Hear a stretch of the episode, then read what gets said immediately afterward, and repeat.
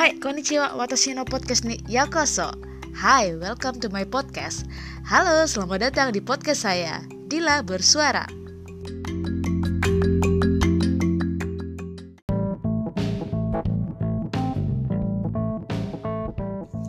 Halo, selamat datang kembali di Dila Bersuara. Di episode kali ini merupakan episode spesial di mana saya berbagi dengan Basecamp alumni HMT FT Unan dengan tema Merajut Impian di Negeri Sakura. Hmm, seperti apa rekamannya? Silahkan dengarkan saja.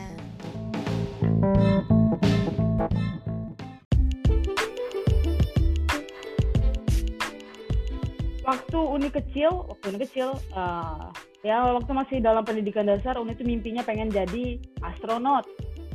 Ini mungkin ada yang pengen jadi astronot kali tersenyum kali dengar ini ya. Tapi sayang mungkin karena orang tua itu lebih bijak dari kita ya, atau mungkin mereka punya pengalaman yang lebih banyak dari kita. Jadi astronot, kamu tidur sendiri aja takut mau jadi astronot astronot tinggalnya di mana gitu nah jadi semenjak SMA kelas 2 Uni banting step dari daripada mindsetnya mindset untuk ke astronomi ya Uni fokus ke ke teknik karena Uni juga suka fisika dan waktu dari SMA ke Unan itu ceritanya gimana sih bisa masuk Unan?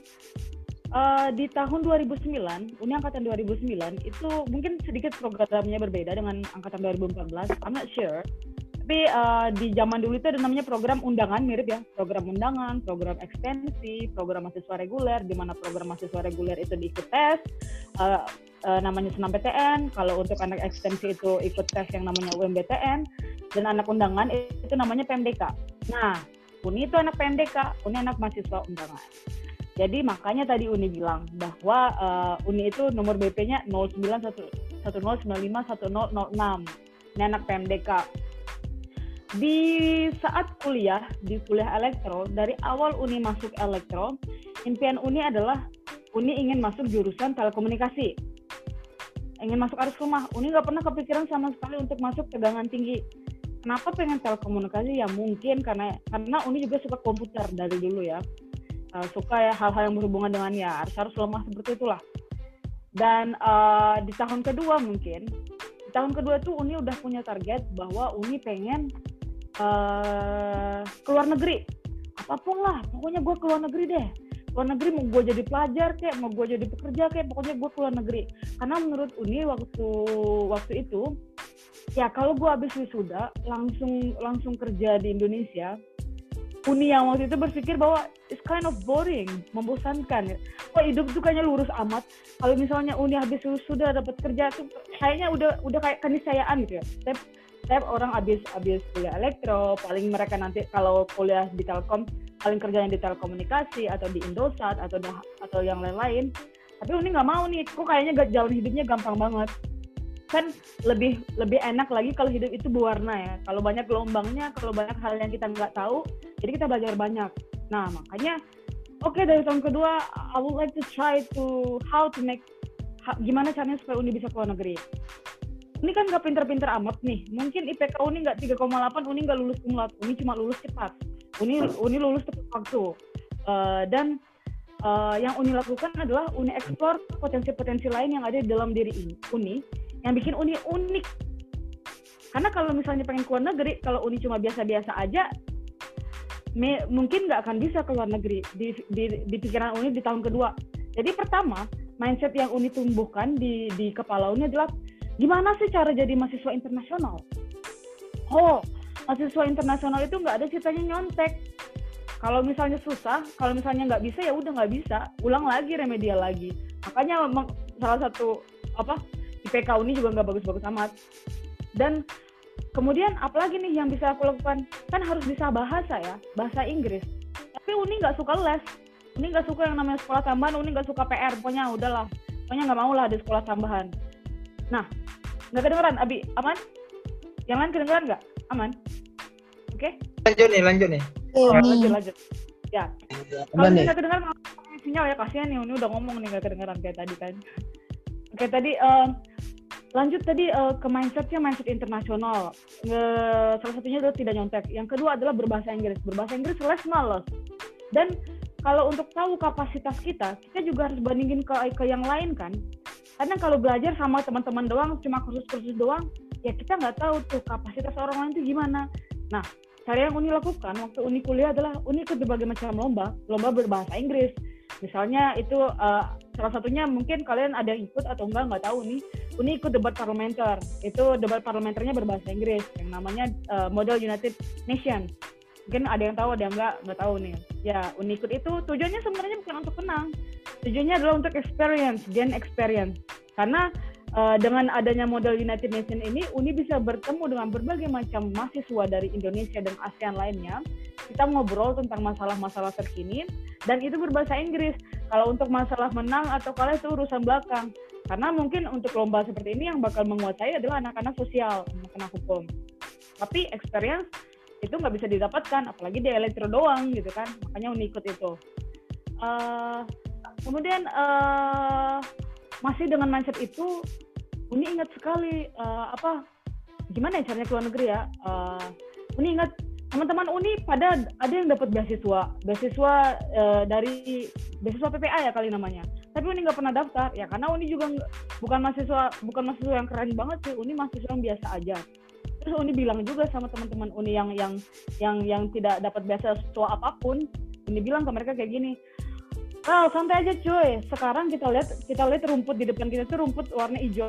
Tapi nanti ada saatnya kita lihat rumput di depan itu rumput warna putih. Kita bakal dapat beasiswa dari luar negeri. Gak dapat beasiswa dari pemerintah nggak apa-apa. Nanti dapat beasiswa dari luar negeri dan saya percaya itu. Itu juga yang kedua ya tadi ya. Berarti mindset percaya ke diri kalian sendiri. Why? Karena kalau kalian percaya dengan diri kalian sendiri, ya mau berapa seberapa banyak orang meng-underestimate kalian, ya kalian bakal maju terus. Kenapa? karena dulu waktu Uni punya sosial media juga beberapa senior mungkin bakal bertanya Sedila tuh kayaknya obses ya pengen keluar negeri emang dia pengen keluar negeri and then time waktu yang nunjukin akhirnya Uni keluar negeri dan how gimana sih cara Uni keluar negeri ya Uni suka surfing Uni suka yang namanya internetan. Uni internetan uh, dan ya Uni dapat dapat informasi bahwa oh begini caranya daftar negeri. Itu nanti ya kalau kalian mau tanya silakan. Tadi kan pertanyaan gimana perjalanan kuliah ya. Terus tiba masanya KP uh, eh, kerja praktek. Di kerja praktek itu unik bertemu dengan uh, unik kerja prakteknya di lintas arta. Anak-anak telkom ya di lintas arta di lintas arta itu unik ketemu seba, uh, sama pembimbing I forgot how to call him. Dan dia sarankan ke Uni uh, bahwa kalau untuk nulis skripsi ada dua topik nih yang keren nih yang yang yang bakal bakal hot. Uh, yaitu tentang biomedical engineering yang pertama. Yang kedua adalah tentang jaringan. Uh, terus dia saranin kalau kamu mending kamu coba untuk uh, explore dunia biomedical engineering karena karena masih jarang tapi nanti ini bakal menjadi hal yang uh, how to say meledak lah di di ke depannya informasi manusia ya di situ mungkin titik balik Uni untuk mencoba bikin skripsi tentang biomedical engineering makanya jadi di tahun akhir Uni, Uni bikin skripsi, yaitu Uni bikin diagnosis deteksi dini penyakit jantung dengan menggunakan uh, handphone Android dan Arduino. Mungkin kalian bakal ketawa dengarnya sekarang. Kalau dulu orang malah heran karena nggak ada yang pernah bikin ini. Karena orang mikirnya zaman dulu tuh tahun 2012 bikin skripsi Android sama Arduino itu gimana cara gabunginnya belum masih belum belum ada yang namanya koneksi-koneksi yang gampang atau atau library library di bahasa pemrograman itu belum belum selengkap yang sekarang bahkan laptop yang Uni gunakan untuk bikin skripsi itu adalah uh, laptop Intel Atom bukan iCore 5 or iCore iCore 7 Uni Uni pakai uh, Intel Atom. Cuma ya itu tadi mindset Uni Uni percaya dengan diri Uni. I believe I can make it. Sumbernya emang mungkin di Indonesia belum ada yang bikin. Coba cari referensinya keluar. Nah Uni coba cari-cari referensi-referensi dan dapat. Finally Uni bisa sidang tesis uh, dapat uh, selesai bikin uh, apa bikin skripsi dengan tema deteksi dini penyakit jantung dengan menggunakan Arduino dan uh, handphone Android seperti itu. Di situ juga di tahun saat bikin skripsi Uni masih ingat dengan mimpi ini Uni mau keluar negeri. And then in that time I uh, Uni decide Uni putuskan oke okay, mungkin waktunya untuk belajar ke luar negeri. Nah belajar ke luar negeri ini gimana sih caranya uh, yaitu uh, Uni punya keminatan yang sangat besar dengan dunia biomedical engineering dan dunia artificial intelligence ya karena di deskripsi Uni, Uni juga menerapkan sedikit uh, early warning system ya. Early warning system tentu aja mengaplikasikan sedikit uh, konsep dari AI, yaitu konsep yang dipakai adalah konsep expert system, sistem cerdas. Waktu itu ada kuliahnya. Uh, dan uh, ya setelah browsing-browsing Uni apply hanya di Kyushu University, hanya di Universitas Kyushu. Kenapa Uni daftar ke Universitas Kyushu bukan ke Tokyo University bahkan bukan yang lain-lain? Karena Uni takut gempa karena di Indonesia itu zaman Uni masih di Indonesia tuh Indonesia gempa gempa gempa gempa mulu dan I'm so scared with that Uni nggak suka dengan itu jadilah Uni memutuskan untuk ya udah daftar di Universitas Kyushu dan Universitas Kyushu itu universitas negeri di Jepang itu cuma ada tujuh public university. Ya uh, Imperial Imperial College University itu ada tujuh. Tokyo University, Kyoto University, Osaka University, Tohoku University, uh, terus Kyushu University, dan Uni fokusnya ke Kyushu University. Di situ, kemudian akhirnya uh, setelah wisuda dan dan tesis Uni bagus, tesis Uni bagus, memuaskan, Uni akhirnya juga bisa dapat profesor di Jepang, ya terbang, dan sampai detik ini akhirnya tahun 2020 uh, bulan Maret kemarin Uni sudah dapat gelar PhD dan ya that's I am. Panjang banget ya. Oke silakan. Itu aja dulu deh yang bisa Uni jabarkan. Kalau nggak dimengerti silakan ditanyain ya. Kind of long man. Dozo Abi. Oke okay, nih apa yang mau dibilang? Terlalu panjang. Uh, oke. okay. Uh, jadi dari sepanjang perjalanan Uni itu uh, kan dari sisi budaya pasti berbeda ini. Uh, apalagi kalau kalau misalkan ya pertama kali uh, luar negeri langsung belajar di sana tuh pasti ada kata uh, takajui gitu misalnya beda gitu budayanya gitu. Uh, kalau dari Uni gimana sih uh, caranya Uni menyikapi gitu. Uh, dengan ya tahu kan budaya budaya Jepang itu ada suatu perbedaan yang kita anggap tabu tapi di mereka uh, biasa aja atau kebalikan dianggap kita biasa bagi mereka tabu gitu. Nih bahas sih cara ini meng mengadaptasi seperti itu. Uh, terima kasih Abi. Pertanyaannya menarik menarik sih. Tapi waktu Uni tuh mungkin karena waktu datang ke Jepang dengan uh, keinginannya cuma untuk belajar pengen belajar and too excited terlalu senang nggak berasa sih yang namanya gegar budaya itu jadi mungkin karena waktu Uni di Elektro Unan juga Uni juga udah beda dari yang lain di mana yang lain anak-anak Padang, anak-anak dari Sumatera Barat lainnya. Uni anak Bengkulu yang bahasanya beda juga. Anak Bengkulu juga nggak banyak di Unan waktu itu kan. Ya jadi ya menurut Uni waktu Uni ke ke Jepang ya sama aja kayak kayak Uni dari dari Bengkulu ke Padang. Jadi nggak terlalu gegar budaya. I mean like I'm I'm having fun with that. Dan senior-senior juga baik. Dan satu lagi di lab uni itu kita ngomongnya bahasa Inggris. Jadi ya nggak ada masalah. Nggak tahu uni mungkin karena terlalu cuek so I don't have any tips for that. Gak ada tips khusus sih. Cuma nggak peduli aja. Nggak tahu. Hmm, gitu bi. Oke. Okay. uh, eh, mungkin ada yang mau bertanya pada Uni kalau uh, kalau Abi sendiri dulu gimana tuh? Uh, ngerasa gegar budaya nggak waktu ke Gifu? What kind of gegar waktu ke Gifu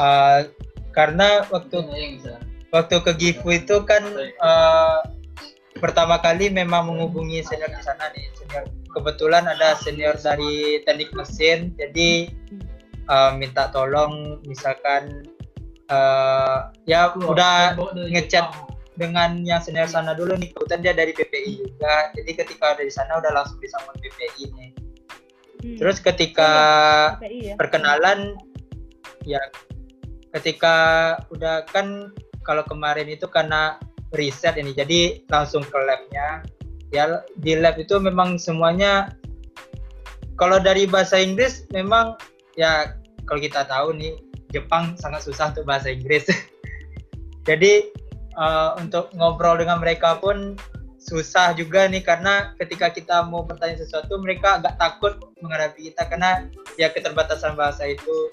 Dan alhamdulillah kemarin itu dapat mentornya orang Timur Leste nih. Dan kebetulan dia juga kuliah di Malang. Jadi bah gak kepake bahasa Inggris jadinya malah pakai bahasa Indonesia itu kalau yang bahasa Inggrisnya palingan ke profesornya laporan misalnya apa aja dikerjain kayak gitu nih. Ya, dan di Gifu kalau alhamdulillah ada masjidnya di dekat kampus. Jadi ya syukurlah nggak susah sama ibadah atau gimana. Dan ya orang sana pun welcome juga sih kalaupun perbedaan yang mau beda bahasa mau beda budaya pun mereka welcome juga nih jadi rasanya ya untuk adaptasi alhamdulillah enggak sini aman. Ya kan? Ya kan? Jadi buat kalian yang pengen ke Jepang sebenarnya ya Jepang itu kalau masalah gegar budaya nggak akan terlalu merasa gegar ya kayak kata Abi tadi. Uh, dan juga tapi kalau kalian kuliahnya di Kyushu University banyak kok yang bisa bahasa Inggris. Jadi kalau mau misalnya lanjut kuliah ya udah ke Kyudai aja jangan ke Gifu. Uh, lanjut B atau yang lain yang mau tanya silakan. Kita sharing ya. Um, Hmm. Yang lain ada yang pernah ke Jepang ya, selain Abi? Silakan yang mau bertanya. Abi doang nih yang ke Jepang.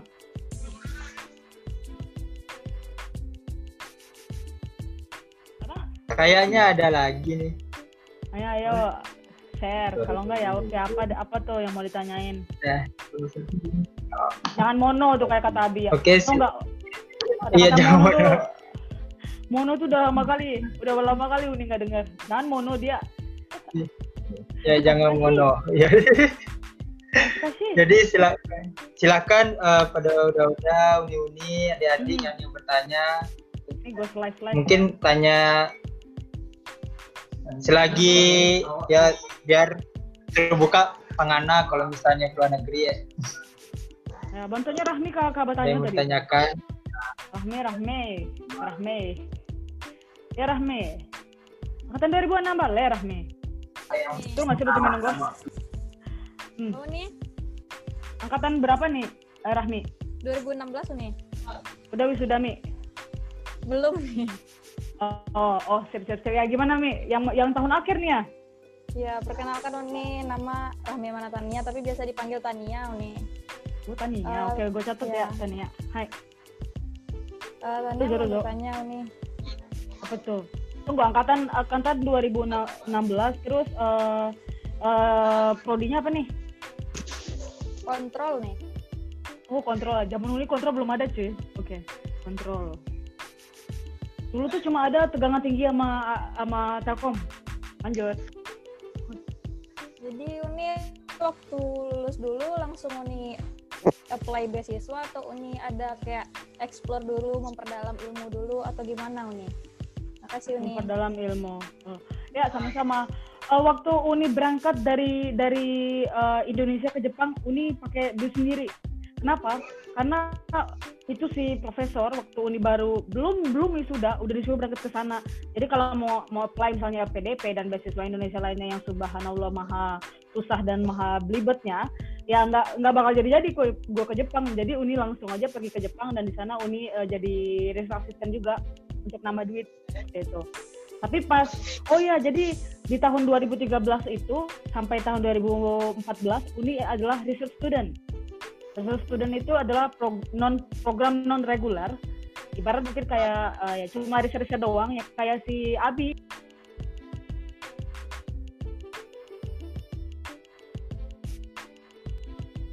Halo?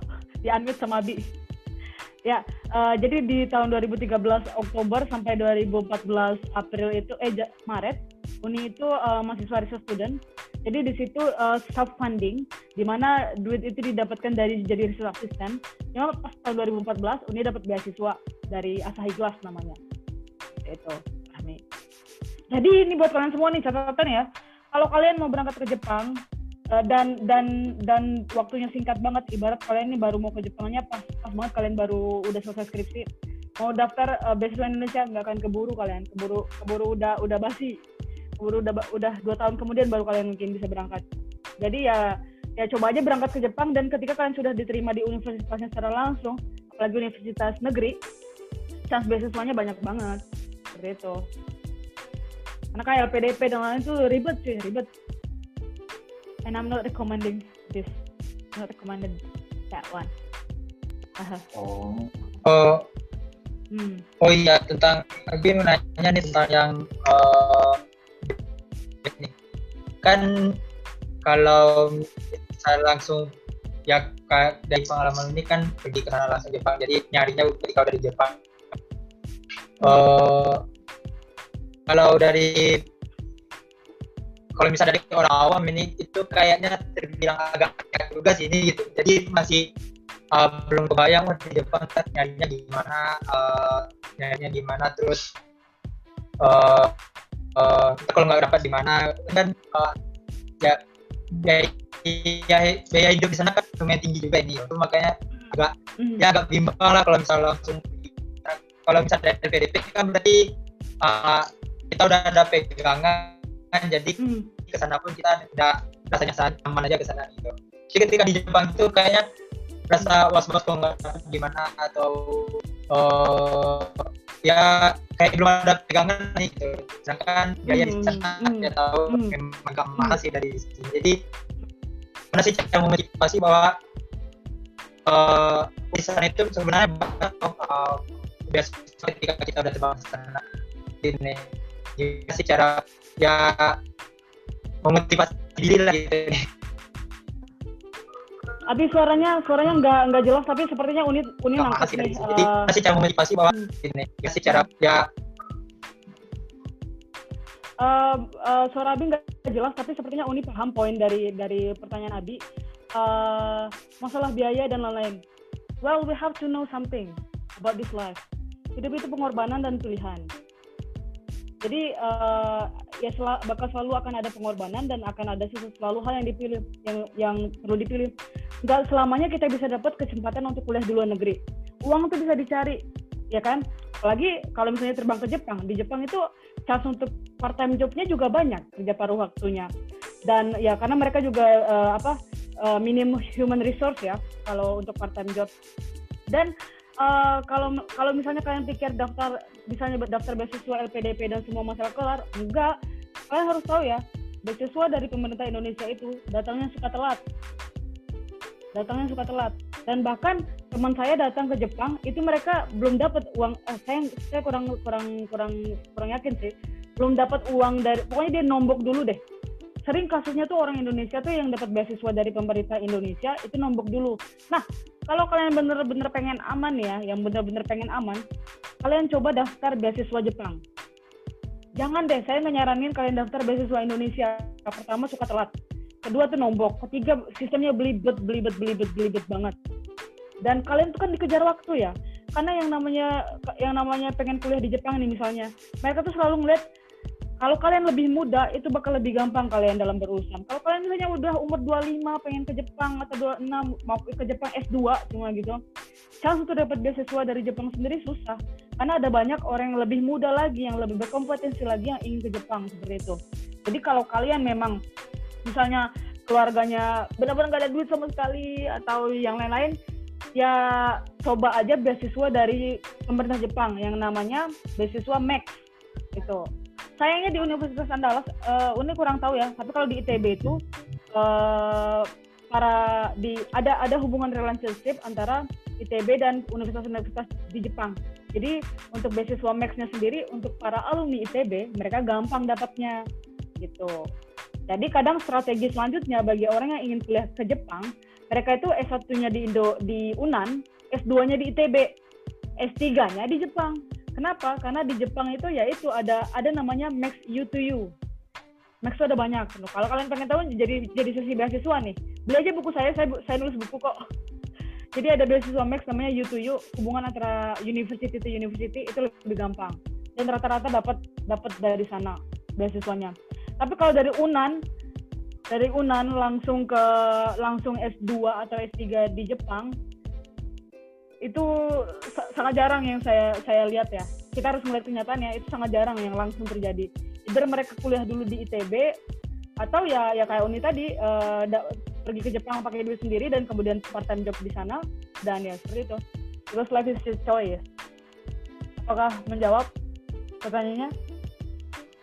Hmm, ada nih. Uh, sebelumnya maaf ya nih nggak bisa uh, buka video soalnya kalau ke video jaringannya agak susah nih hmm. jadi agak delay gitu uh, sedih banget kota kota yeah. beli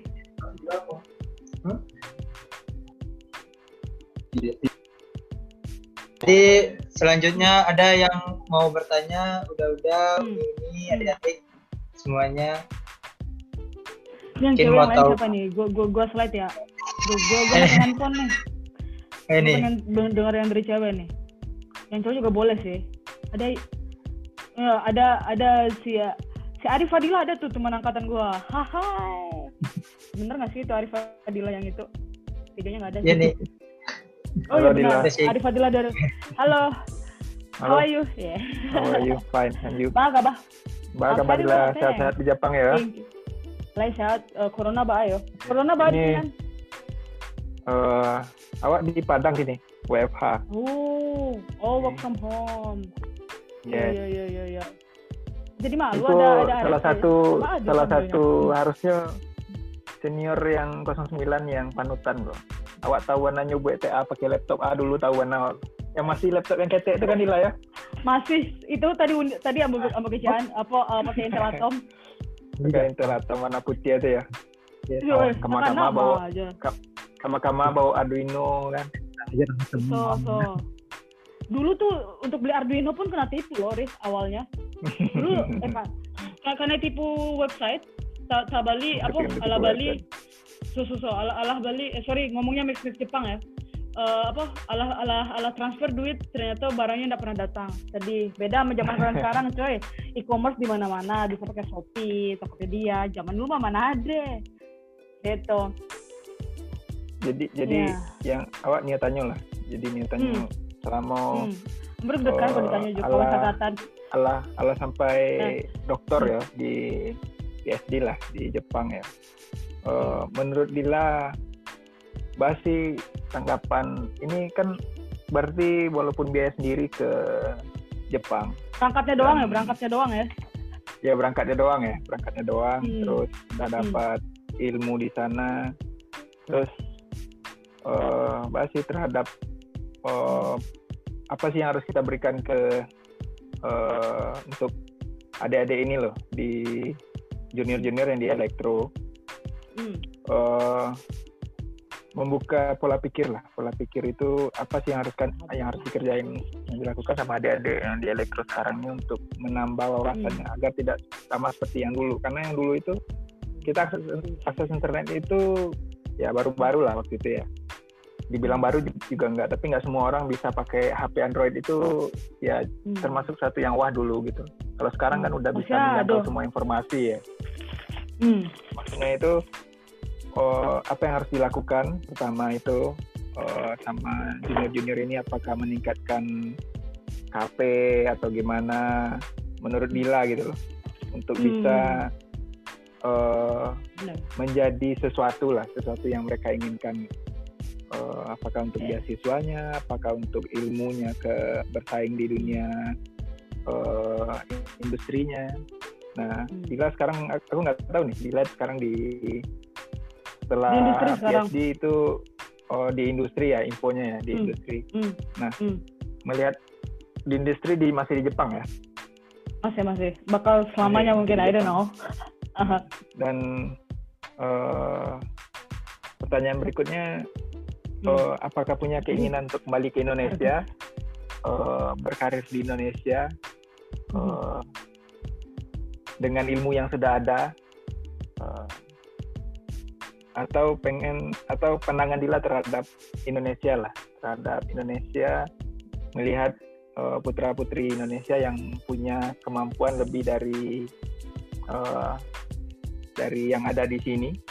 Terus apa yang akan Dila berikan selanjutnya untuk eh, eh, bagi diri Dila sendiri ke depannya gimana planningnya. Bare apa pertanyaan bro? eh iya. Aha. terus eh eh, berikutnya apakah ilmu yang di Jepang itu ada korelasinya dengan Indonesia sekarang gitu? Mhm. mungkin itu dulu. Mungkin nanti kalau muncul pertanyaan lagi disampaikan lagi Apakah ilmu itu ada ada untuk Indonesia saat ini? Oke, oke, I will I will try to answer Arif Fadilah question di mana nama kita sama ya. Dan udah lama gak ketemu dan dan eh, awak Ambo termasuk eh, udah Dila termasuk jiper sama si Arif. Arif ini termasuk mahasiswa yang pintar. Dila adalah mahasiswa yang sangat pas-pasan otaknya, cuma beruntung doang sama nekat. Ya nggak Arif? singkatnya Yo, yo, yo. Namanya apa sih? Namanya Arif atau Fadila tuh apa sih? Bahas sih dia Peggy dong. dulu. Peggy ya. Oh my god, I forgot many things bro. Udah lama nggak pulang juga kan, jarang ketemu juga. So pertanyaan pertama itu eh, apa sih yang harus dila, yang pengen dila sampaikan ke adik-adik? Apa hal yang paling penting yang harus kalian pikirkan? Well, please try to remember this one. Eh, hidup itu lebih baik punya target. Hidup itu lebih baik punya target. Eh, eh, kenapa? Karena bedanya target sama mimpi. Kalau mimpi itu cuma cuma di awang-awang doang nih. Kalau target biasanya kita tuliskan ini tanggal segini kita pengen gini, tahun ini kita pengen ini, ada goal-goalnya. Nah, misalnya nih kalian pengennya jadi misalnya nih kalian pengen jadi akademia. Ya, kalau goal akhir kalian pengen jadi akademia, ya pasti harus S3. Nah, kalau kalian goalnya nanti pengennya di industri, goalnya adalah setelah S1 cobalah untuk ambil sertifikasi, sertifikasi-sertifikasi kalian. Salah satu contohnya tuh kalau di telekomunikasi itu sertifikasi Cisco seperti itu. Jadi harus jelas nih target kalian tuh pengen apa. Kalau kalian ngawang-ngawang, ngawang-ngawang, ngawang-ngawang, mungkin hidup jadi lebih nggak menarik. Ya lulus sih bakal lulus juga. Cuma kalau nggak ada target, ya mungkin nggak menarik ya. Apa sih pengen ya kalau kita melakukan sesuatu dengan passion, dengan hati, hasil yang kita dapatkan juga jadi menyenangkan diri kita sendiri doang. Eh, Kita me- menyenangkan diri kita sendiri juga doang juga enggak tuh. Kemudian yang kedua, pengen berkarir di Indonesia. Ini kah? Yang kedua ya berkarir Halo? di Indonesia. Halo? Halo? Boleh lanjut? Ya, fokus dulu. Mengganggu, coba. Ini ada ngomong nih. Dulu yang Adrian. Iya ini. Pak, ini ada iya. Boleh lanjut nggak nih? Oke. Yang kedua, pengen berkarir di Indonesia dengan ilmu yang sudah ada. Hmm ya, this is, this is really heavy question for me. Pengen berkarir di Indonesia. eh pengen berkarir di Indonesia kalau aku yang bikin, kalau Dila yang bikin ininya, kalau Dila yang bikin perusahaannya, ibarat bikin perusahaan startupnya atau apa. Dila pengen bikin lapangan pekerjaannya pengen tuh kalau kayak gitu ya. Tapi kalau kalau pengen jadi pekerja di Indonesia untuk saat ini belum kepikiran. Jadi kalau pertanyaannya pengen berkarir di Indonesia, pengen berkarir dengan dengan dengan catatan ya Dila bikin ininya apa lapangan pekerjaannya. Kem- Kemudian pandangan Dila tentang Indonesia. Ini pertanyaan nasionalis banget sih. Eh, pertanyaan Dila, eh, pandangan Dila tentang Indonesia. Indonesia, hmm. ya Indonesia itu adalah negara yang yang kompleks. Sampai Dila pernah tanya tuh ke Profesor Dila waktu masih kuliah. Eh, Prof, menurut Anda pandangan An- Anda tentang Indonesia ini masalahnya apa sih? Kenapa ru- ruwet banget? Kalau menurut beliau, ini bukan menurut ya, menurut beliau tuh penduduk Indonesia tuh sangat banyak. Sedangkan eh, skill dari sumber daya manusianya masih sedikit. Jadi ya lebih baik emang orang Indonesianya di, diberi diberi masukan skill yang lebih banyak alias ya cobalah dibikin eh, berpendidikan lebih tinggi seperti itu. Sedangkan kalau Dila sendiri sih eh, pandangan Dila tentang Indonesia ya Indonesia tetap kuat tapi kalau selama banyak masih lebih banyak orang-orang culasnya, masih lebih banyak orang-orang curangnya ya bakal susah maju. Dila harap ke depannya sih orang-orang Indonesia diisi dengan pemuda-pemuda yang lebih berpikir cobalah untuk jujur dalam beraktivitas dan lain-lain. Apakah ilmu ilmu yang Dila tempuh di Jepang ini bisa dimanfaatkan di Indonesia? Bukan hanya di Indonesia, bahkan menurut menurut Dila ya yang membedakan gelar PhD dan gelar gelar sarjana adalah eh, seorang PhD itu dia harus menemukan suatu keilmuan baru, suatu hal yang baru yang eh, memberikan solusi untuk dunia gitu, bukan untuk satu daerah regional.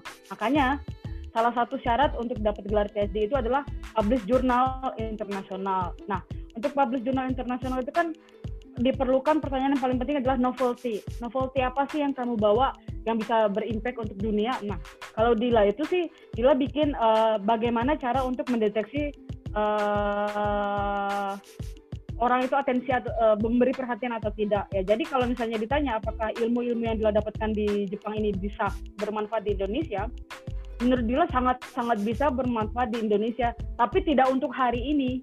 Bisa bermanfaat untuk Indonesia 10 tahun ke depan atau 20 tahun ke depan. Karena sekarang nih ya, eh, jujur buat adik-adik semua juga untuk eh, PhD di bidang neuroinformatika itu baru Dila sendiri dan kalau Dila sendiri yang bergerak belum bisa menurut Dila. Jadi Dila juga menunggu uh, para pakar nilai informatif yang lain yang mau berpartisipasi untuk memajukan Indonesia. Seperti itu. Itu dulu sih, itu dulu sih. Kalau masih ada yang mau ditanyain, silakan. Gak pertanyaan serius banget. Gue jadi kayak orang paling bener aja sih. Segi. Halo. Oke oke, lanjut lanjut dulu. Mungkin dari Hmm. adik-adik ada dari Joni Hmm. dari teman-teman yang lain mungkin ada menambahkan pertanyaan kan?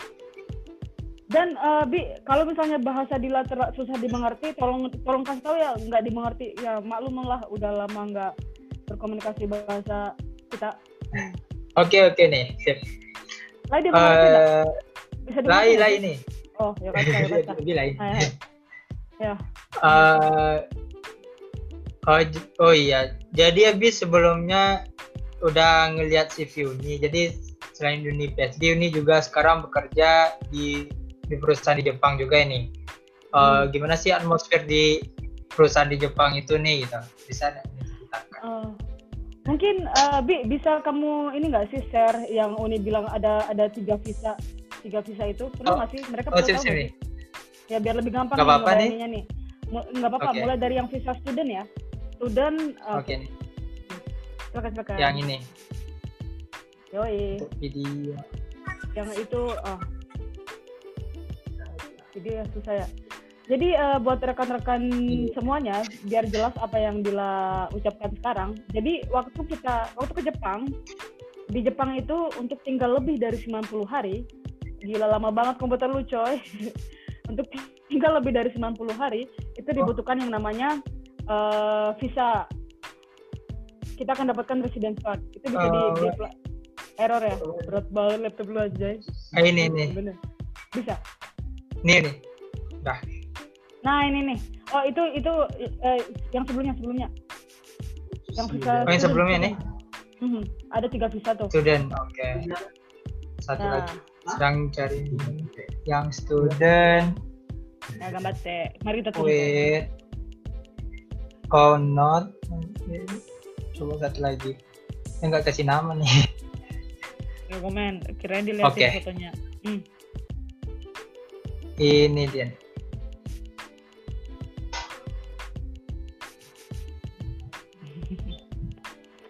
gue liatin langsung Ya Allah. bisa nggak sih jangan nangis santai. Ini megang.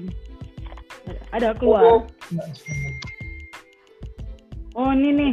Nih ya udah ya udah bi. Bi susah banget bi. Ini aja bi. Nih. Oke jadi nih. eh, jadi kalau misalnya kalian kuliah di Jepang itu atau kalian eh, tinggal di Jepang lebih dari 90 hari kalian bakal pegang ini nih. Ini namanya re- resident. Dan. Hmm. boleh lanjut ya boleh lanjut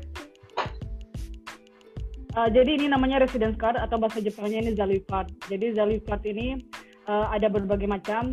Eh, ini kalau misalnya pelajar ya, pelajar eh, ya student. Kemudian misalnya kalian ingin kerja di Jepang, eh, kalian perlu visa yang namanya visa pekerja.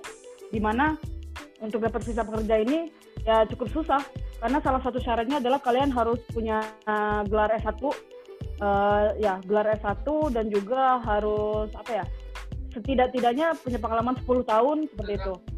Dan punya punya perusahaan yang ingin meng-hire kalian. Itu sih. Susah jadinya ya. Ya itu aja dulu deh. Lanjut lanjut Bi. pertanyaan selanjutnya apa ya tadi ya?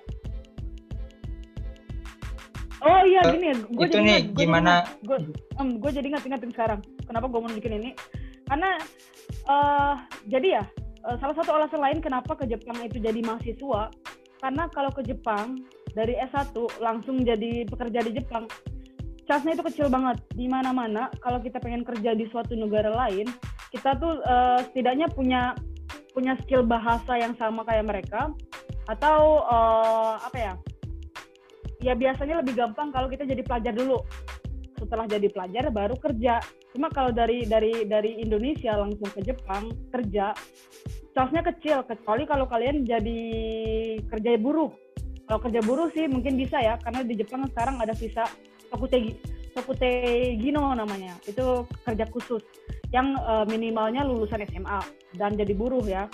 Eh, sedangkan kalau kalian pengen jadi visa visa kerja yang yang yang punya strata tinggi dalam tanda kutip eh, ya kalian lebih baik kuliah di Jepang dulu karena di Jepang ada budaya yang namanya ada ada budaya namanya sakaijin sakaijin ini adalah suatu gelar yang dipa- dipakai atau diperuntukkan untuk orang-orang yang sudah bekerja full time di suatu perusahaan jadi untuk menjadi sakaijin ini salah satu stepnya adalah ketika sebelum wisuda ketika kalian masih pegang ini ini visa pelajar eh, kalian coba job hunting. Jadi di Jepang itu ada ada namanya nggak tahu sama atau enggak di Indonesia.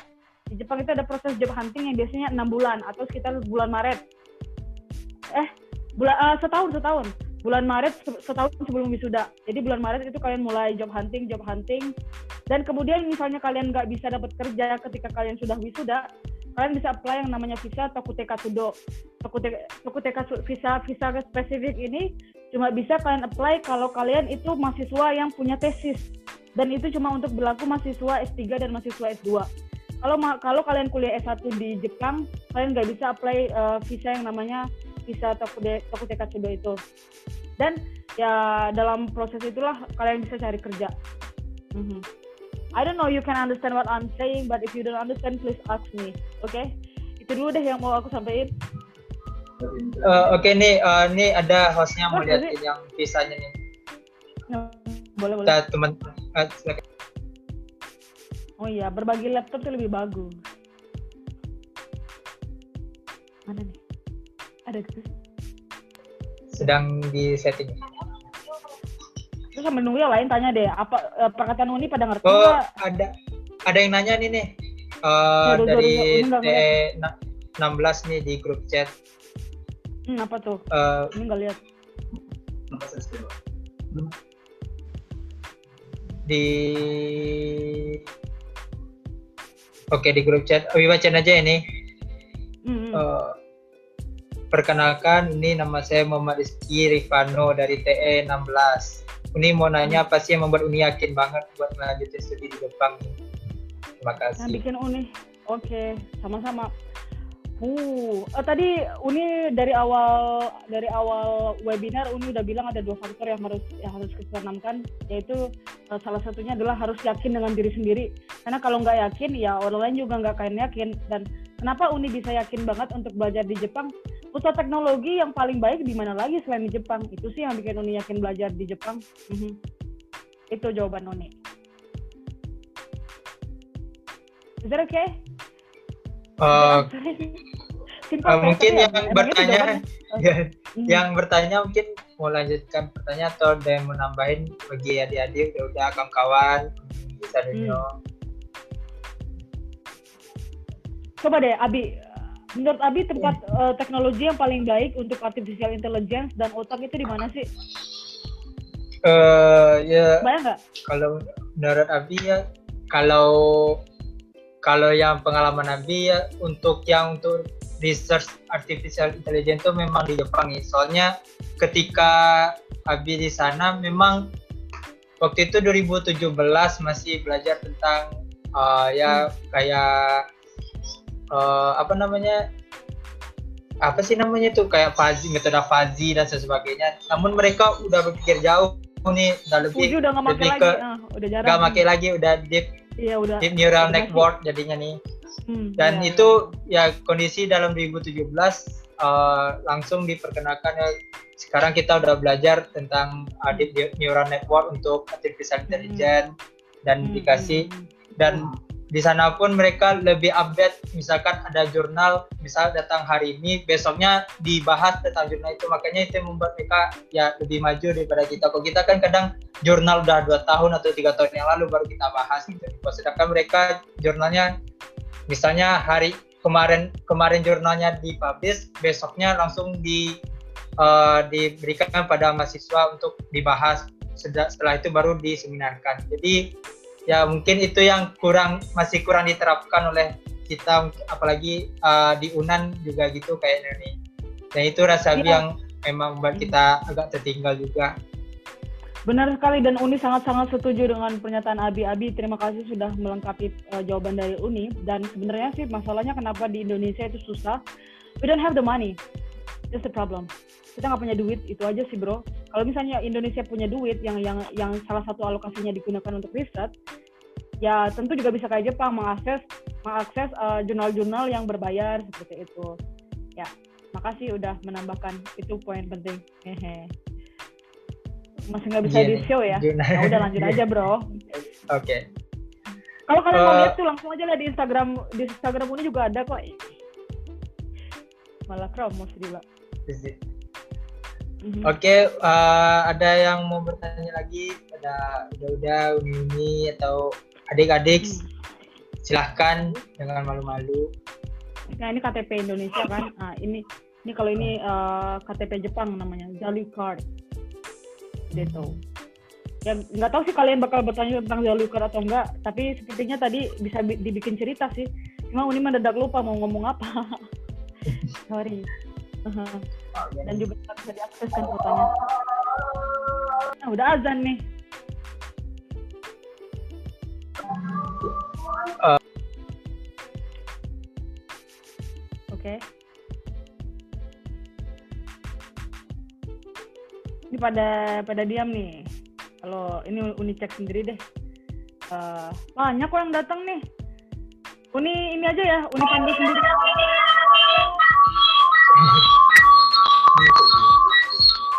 Coba si Zahra, Zahra ada yang mau ditanyain nggak? Lihat ada ada yang namanya Zahra tuh.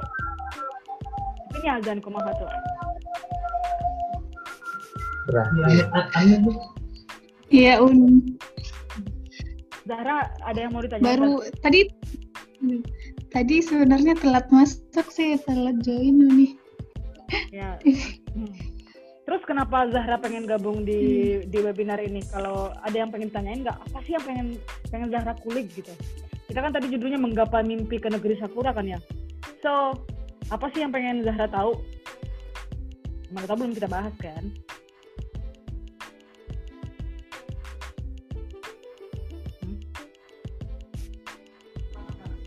Izin bertanya nih, moderator. Zahranya hilang ya? Oke. Oke, oke lanjut Ren. Eh, makasih nih. Kenalkan nih nama Muhammad Randy dari Teknik Elektro angkatan 2004 balik nih. Randy. Oke. Eh, izin udah-udah ke rekan sadonyo. Jadi, wak nih tanya nih. Kan Hmm. tadi untuk yang pertanyaan Rizky Rifano tuh kenapa milih Jepang? Jawabannya karena Wait, is it my signal is bad or your signal is bad? I cannot hear your voice. Ya, ini adalah visanya.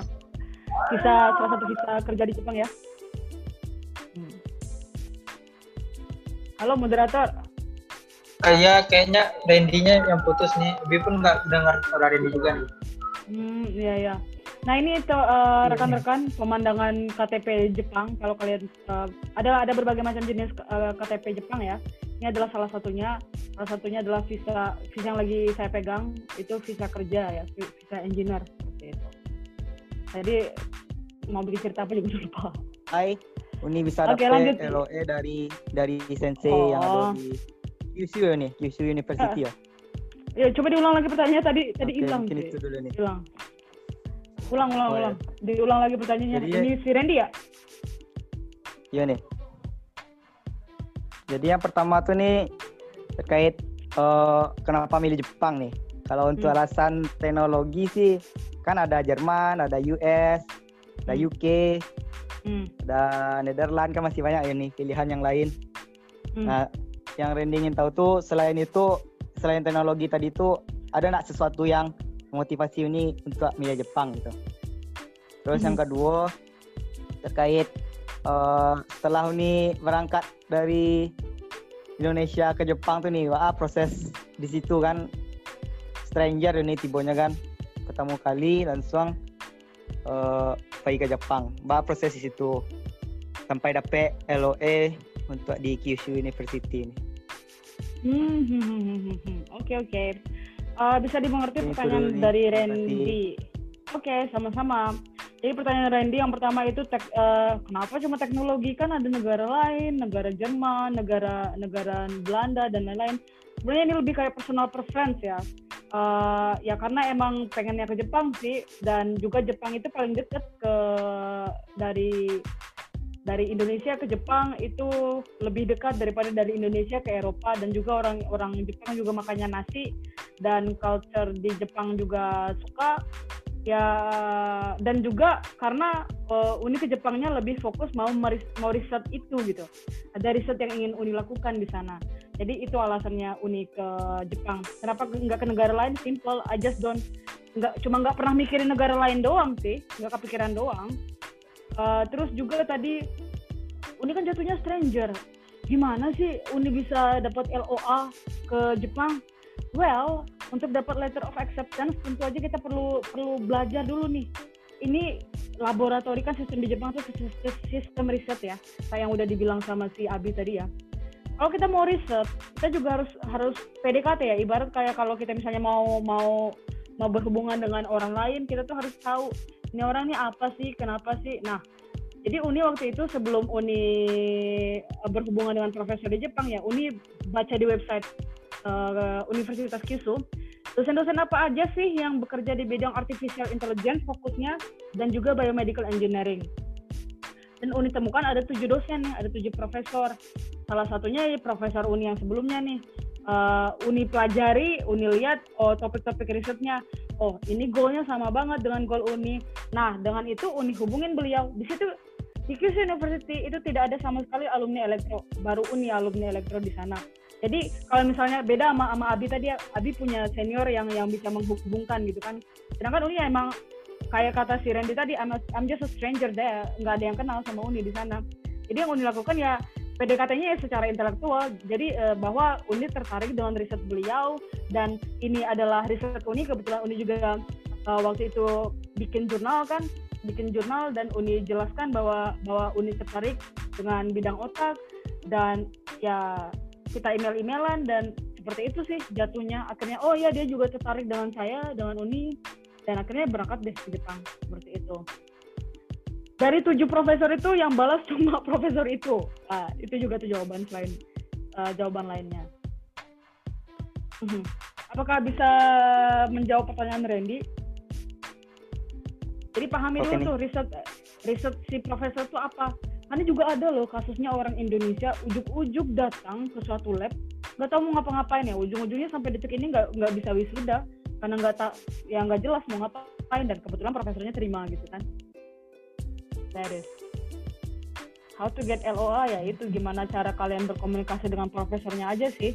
Ya kalau profesornya ngelihat kalian cuma ngeplay ngeplay doang ya mungkin nggak akan dapat kalian LOA-nya letter of acceptance-nya buat yang nggak tahu LOA ya itu mm -hmm. Oke. Okay. Uh, ada tambahan Randy? Lanjut lanjut ah. Dokter. Si Zahra oh, gimana? Okay, Zahra okay. masih nanya nih. Oh iya Zahra. ya hadir ya ini nih uh, selama uni di ini di Jepang uh, kuliah di Jepang karena ada tantangan yang paling apa uh, besar atau yang uh, selama kuliah di sana enggak pasti yang membuat ah ini kayak gimana ya hambatan atau emang tantangan sih tantangan yang paling sulit kayak keadaan yang uh, yang lagi apa keadaan atau tantangan yang baru di sana dan hmm. ini merasa wah ini gimana ya? I see I see I see. Uh, well makasih banget Zahra uh, uh, dengan pertanyaannya. Mungkin juga tadi juga ada ya uh, si Abi juga bertanya agak serupa apa sih hal yang gegar budaya ya? Kalau si Abi lebih ke gegar budaya. Kalau si hmm. Zahra tuh tantangan selama di Jepang I don't know what happened with me. Uni juga nggak tahu apa yang terjadi sama Uni, tapi waktu selama belajar di Jepang itu malah nggak ada tantangan yang berarti. Kenapa? Ya kalau misalnya tantangannya riset, di, bahkan di Jepang lebih gampang untuk download download download jurnal. Kalau tantangannya tentang alat yang nggak ada, bahkan di Jepang semuanya ada. Di Indonesia malah yang lebih susah. Jadi kalau ditanya tantangan apa, tantangan waktu di Indonesia malah lebih besar daripada waktu di Jepang. Karena seperti kata udah Segi tadi kan, uh, si Dila dulu waktu kuliah bawa-bawa Intel Atom yang Intel Atom cuy. Intel Atom. Ngerjain Android di situ. Jadi mungkin kalau untuk permasalahan kuliah malah lebih besar permasalahan kuliah waktu di Indonesia daripada di Jepang.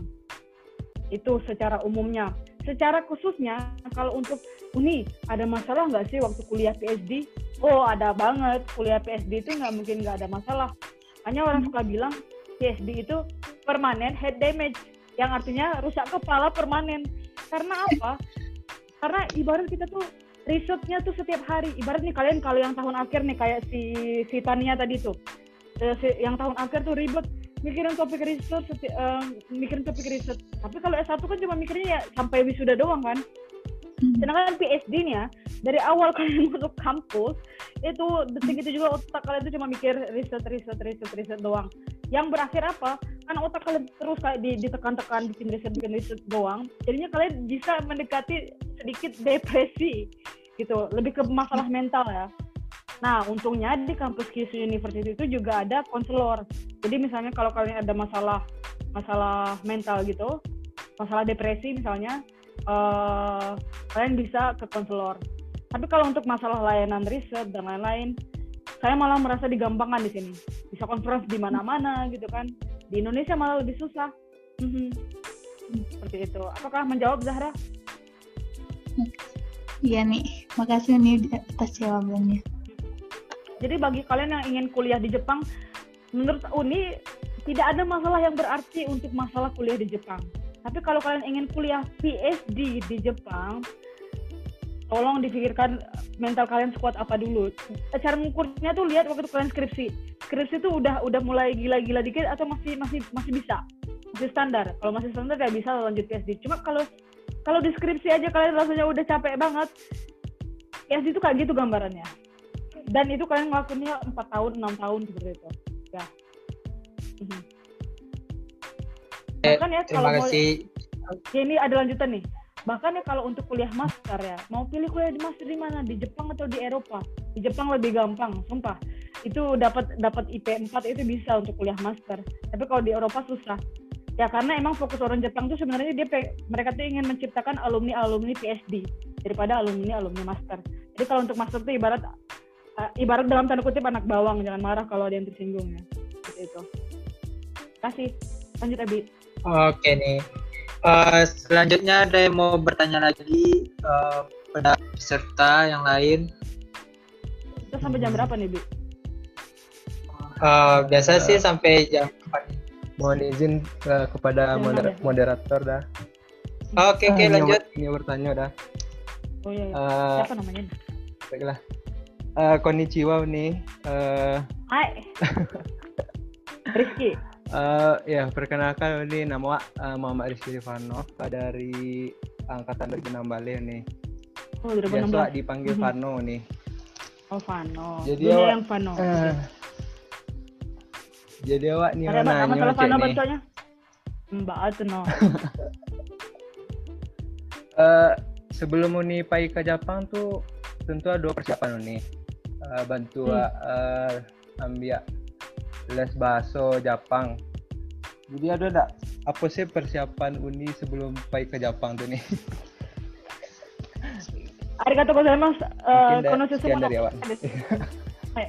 Kono semua, no mau omoshiroi desu kedo, nangka, hmm, oke, okay. I think siapa tanya menarik dan dari tadi tuh lebih, lebih kalian lebih banyak mikir ininya ya.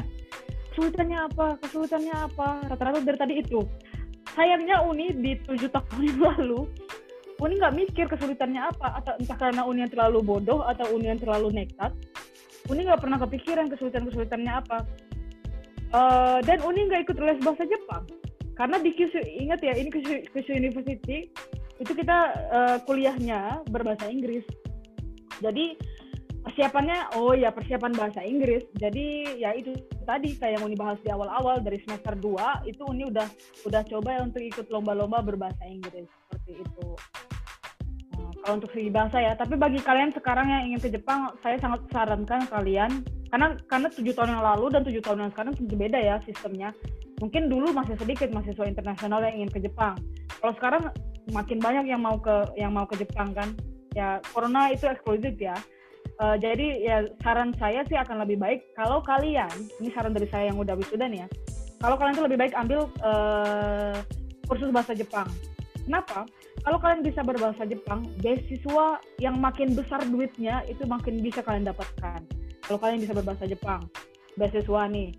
Eh, terus ke- kemudian kalau nggak dapat beasiswa, kalian bisa dapat part time job, kerja paruh waktu bisa di mana aja. Tapi biasanya kalau kalian kuliah di Imperial College, kalau kalian kuliah di Universitas Negeri di Jepang, hampir semuanya itu berbeasiswa gitu. Dan penjamat aja udah udah kayak keniscayaan dapat beasiswa itu. Jadi makanya nggak usah takut. Yang penting kalau yang penting kalian berani untuk berangkat dulu gitu.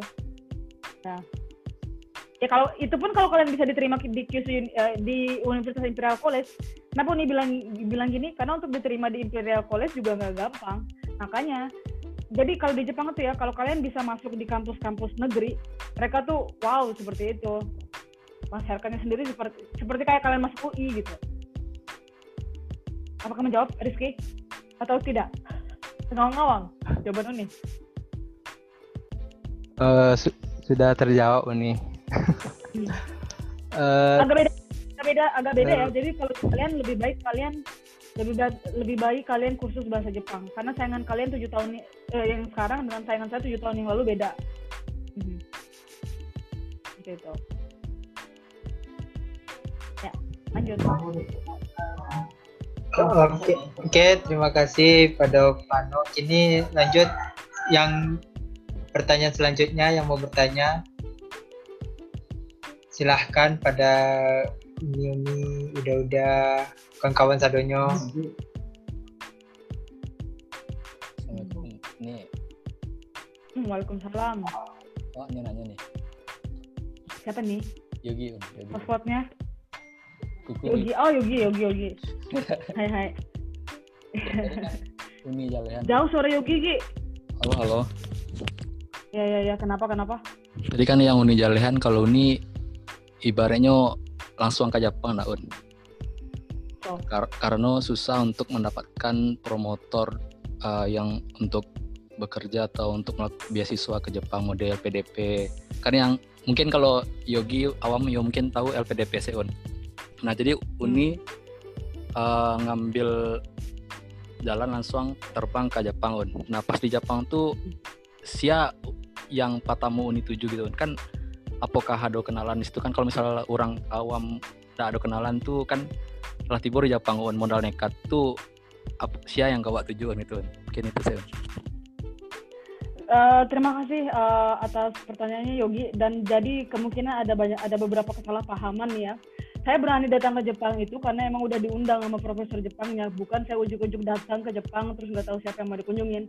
Jadi Uni kenapa kenapa nggak daftar dan juga bukan karena kesusahan dapat promotor beasiswa, tapi karena Uni nggak daftar. Kenapa? Karena waktunya nggak nggak nggak mencukupi. Kalau misalnya nih mau daftar LPDP, mungkin Uni setahun kemudian baru berangkat.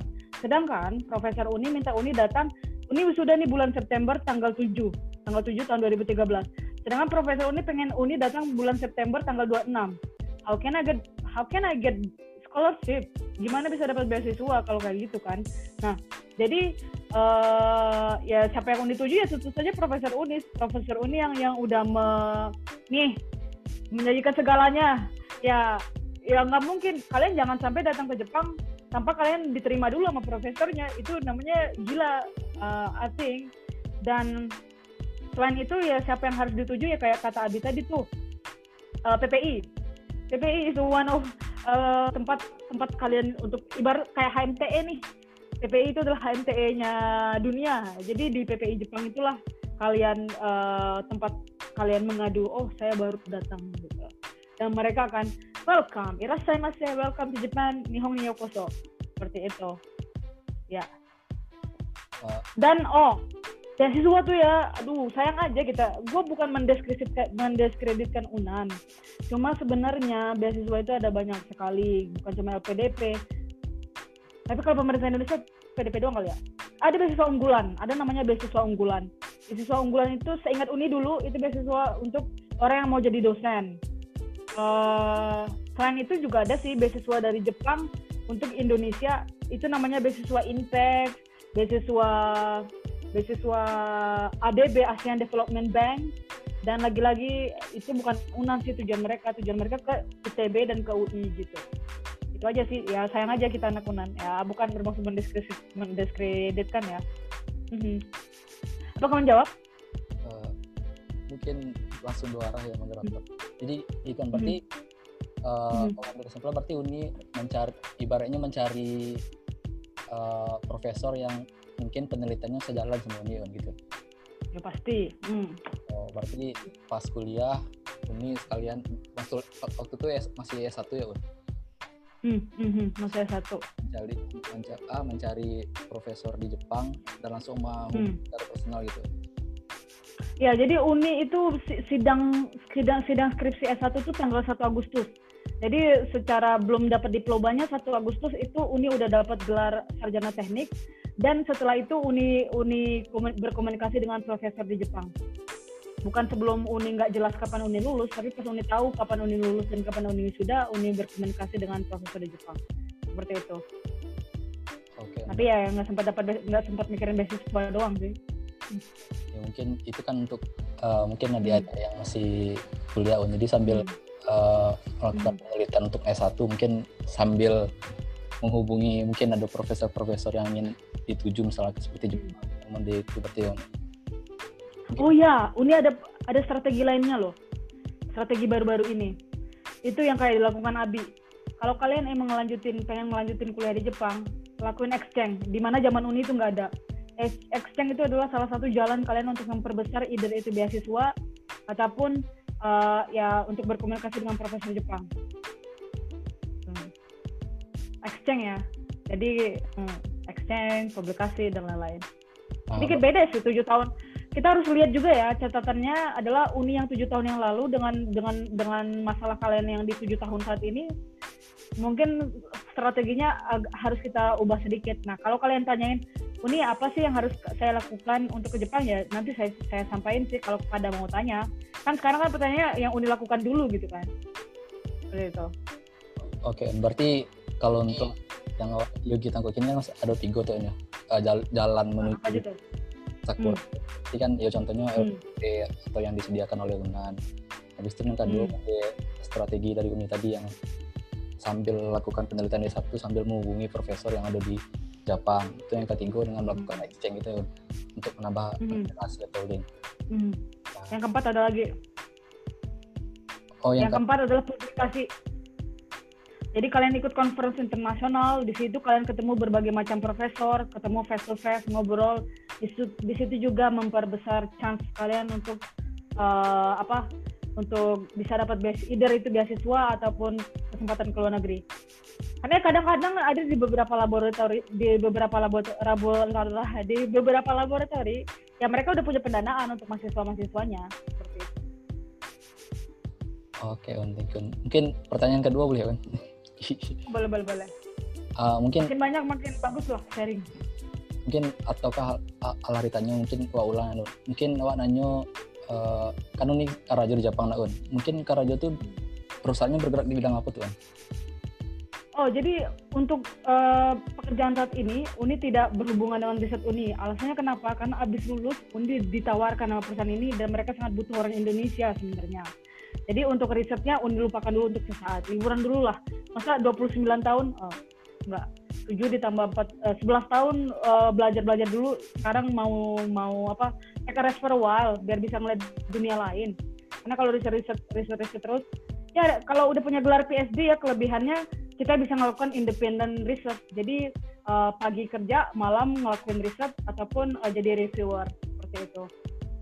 Kalau kalian mau kayak Uni ya PhD aja. Tapi siap-siap ya otaknya. Bisa. Oh. rusak dalam tanda kutip nih nah yang ketiga Mantap.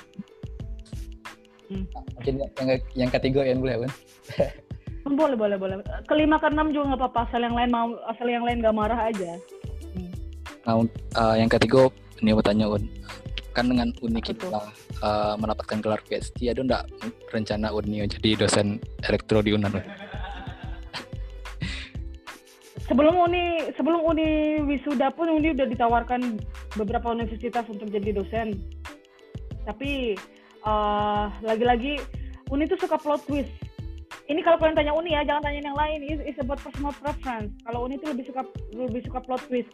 Kalau dunia cuma gini doang, bosan. Uni orangnya bosanan. Jadi ibarat ya, kalau mungkin udah banyak yang mikir, oh si Dila nih S3 nih pasti jadi dosen.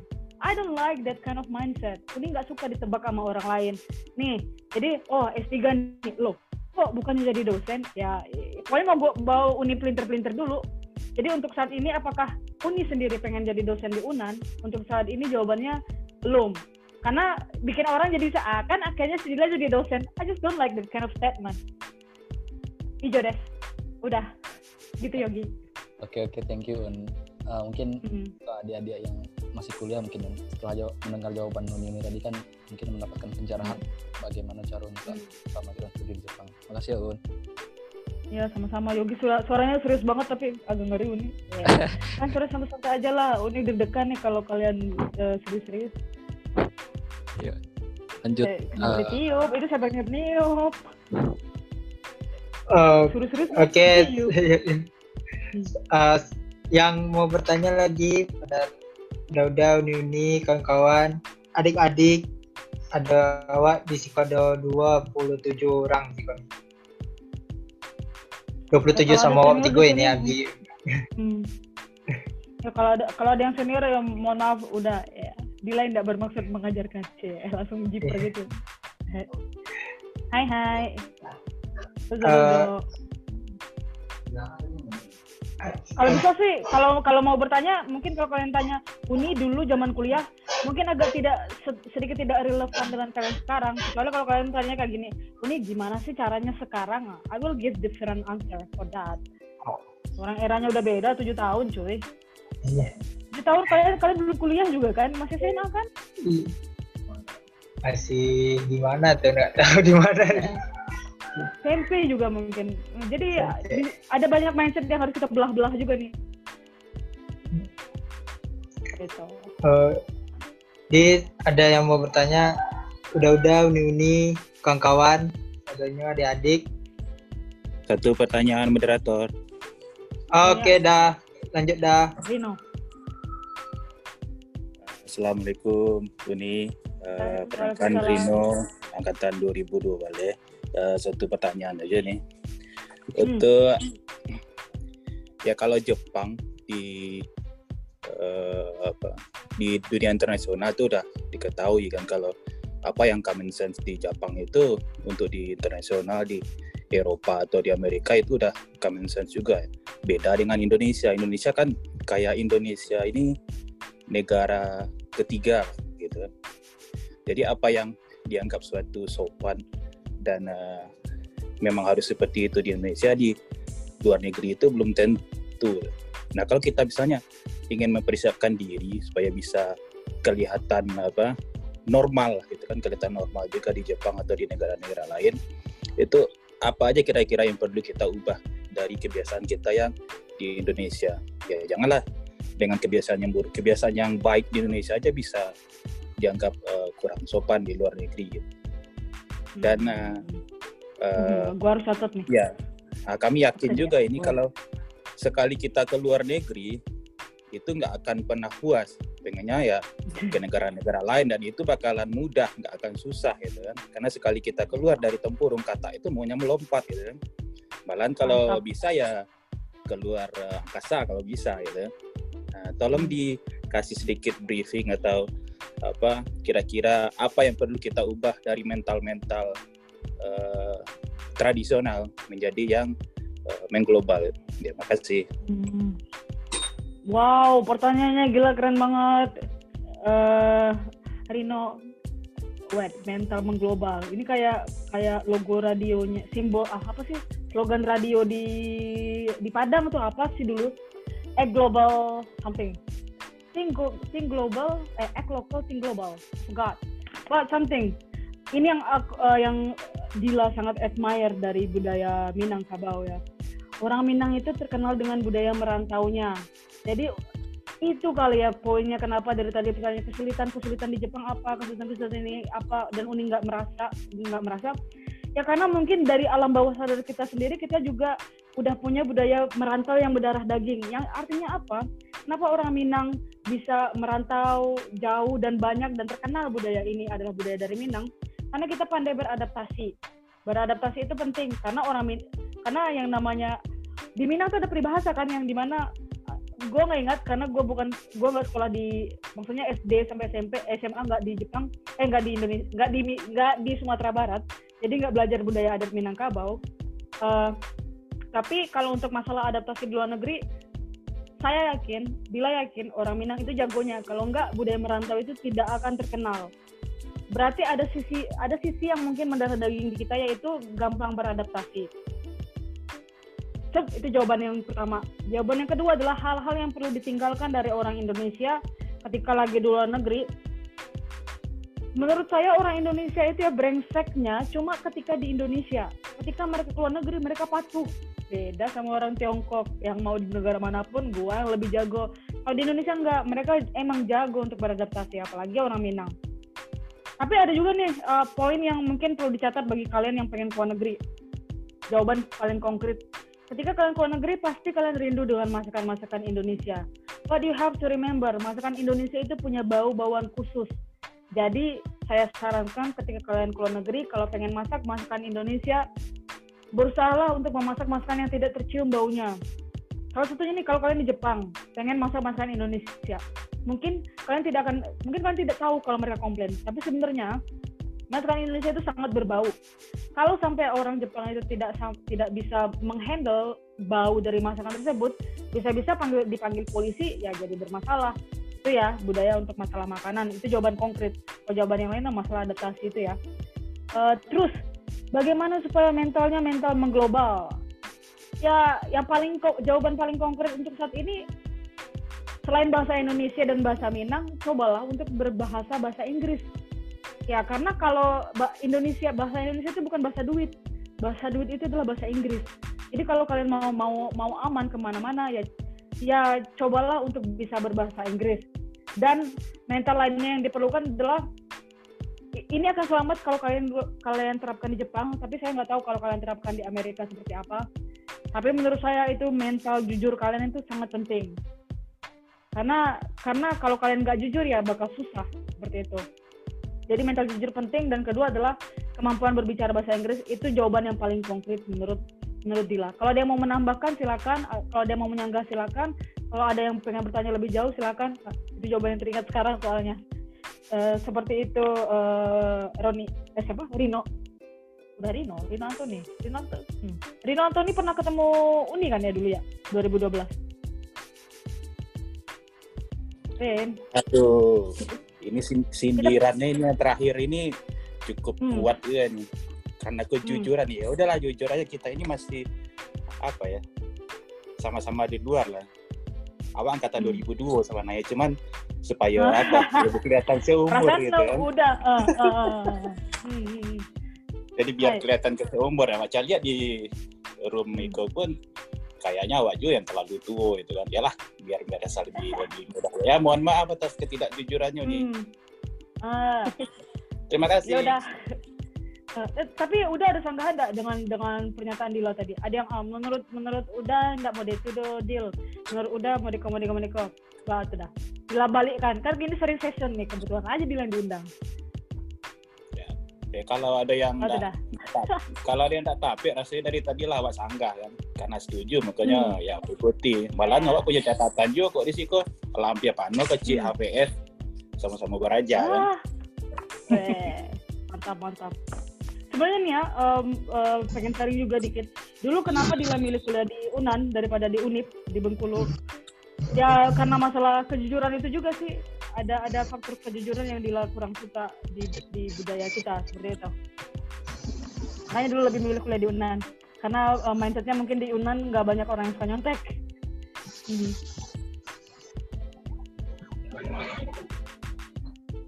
Abi apa kabar? Oke oke uh, hmm.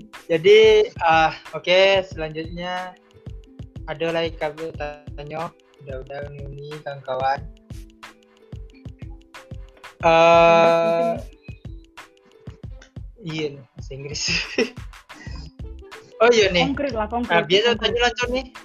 Biasa oh? tanya nih. Oh, habis siap, saya tanya ini. Eh, Uni ketika eh, lah di Jepang itu mulai di situ belajar bahasa Jepangnya atau atau memang belajar bahasa Jepang dulu nih ketika sebelum pergi ke, Jepang ini? Oke. Dulu waktu SMA itu sempat belajar bahasa Jepang. Emang program sekolah. Program sekolah itu ada ada ada belajar bahasa Jepang tapi lupa semua. Jadi kalau di riset ulang lagi, Uni baru di Jepang baru bisa bahasa Jepang. Itu. Karena waktu itu yang lebih dipentingkan adalah bahasa Inggris. Itu untuk masuk FUSU juga harus pakai uh, TOEIC, eh TOEFL, TOEFL, ya itu bukan sertifikat JLPT. Oh ya buat yang nggak tahu kalau untuk tes bahasa Jepang itu eh, namanya JLPT ya. Dan itu cuma set- dua tahun sekali dan susah tesnya. Oke, Adi. Jawab. Ya nih. Eh iya, iya sih nih. Ah, iya tambah satu lagi nih. Kan berarti Uni mulai bahasa Jepang, mulai ya di lah di Jepang lah berarti Uni mulai mulai coba-coba ah, berusaha untuk bahasa Jepang. Eh, Hmm. kalau bagaimana sih tanggapan yang orang di orang Jepang asli kita ketika kita ngomong dengan bahasa mereka ya kan mereka pun tahu kita terkadang kita ada salah pengucapan atau salah kan biasa bahasa Jepang itu berbeda kondisi beda juga bahasanya kan gitu bagaimana sih tanggapan mereka misalnya Hmm. Uni salah pengucapan atau salah kondisi eh, kondisi berbicara ke- kepada mereka dan bre- bagaimana reaksi mereka gitu Hmm. Wah, menarik sekali ini pertanyaannya. Ada- sebenarnya kalau untuk kalian yang ketahuan baru baru bisa bahasa Jepang, itu nggak pernah ada yang namanya Cina. Itu indahnya ba- indahnya budaya Jepang ya nggak ada budaya Elah itu nggak bisa bahas. Mereka bah- bahkan budaya budaya motif. Bahkan kalau kalian cuma bisa kuah doang, konnichiwa.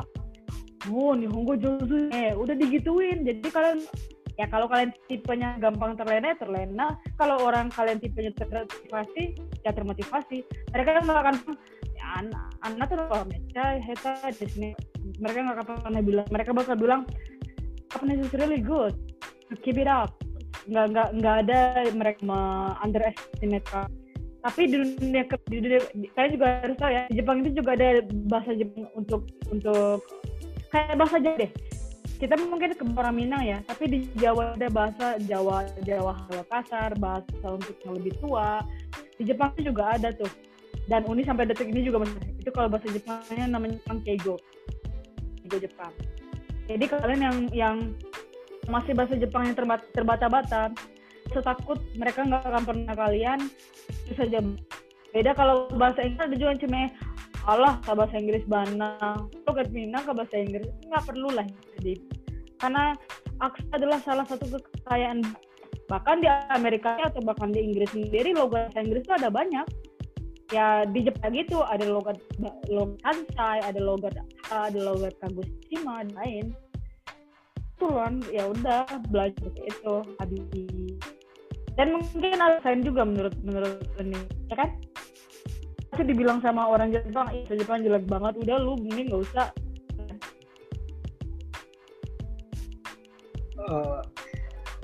Eh, ya oke so, kayaknya bi putus-putus ini putus-putus Pak? Udah, nah oh, oke oke Kalau yang lain gimana? Hmm, Sedih nih kalau putus-putus. Gak kelihatan soalnya. Ini pakai handphone. Ya, ayo kita lihat tulisnya. Kalau nggak ada yang tanya, ubah aja nih kayak tadi terus. Ini Kasih. mau tanya nih. Oh ya ya udah ini close nih berarti. Kita teh. Halo. Eh, siapa nih yang mau nanya? Tania nih. Oh, Tania lagi. Tania. Kalau Tania Kontrol ya? penasaran nih. Ya, kenapa tuh? Uni udah pernah ikut tes JLPT itu nih. Terus Uni juga belajar bahasa Jepang dulu berapa lama gitu Uni baru Uni Hmm. udah bisa pandai gitu nih. Kasih Uni. Hmm.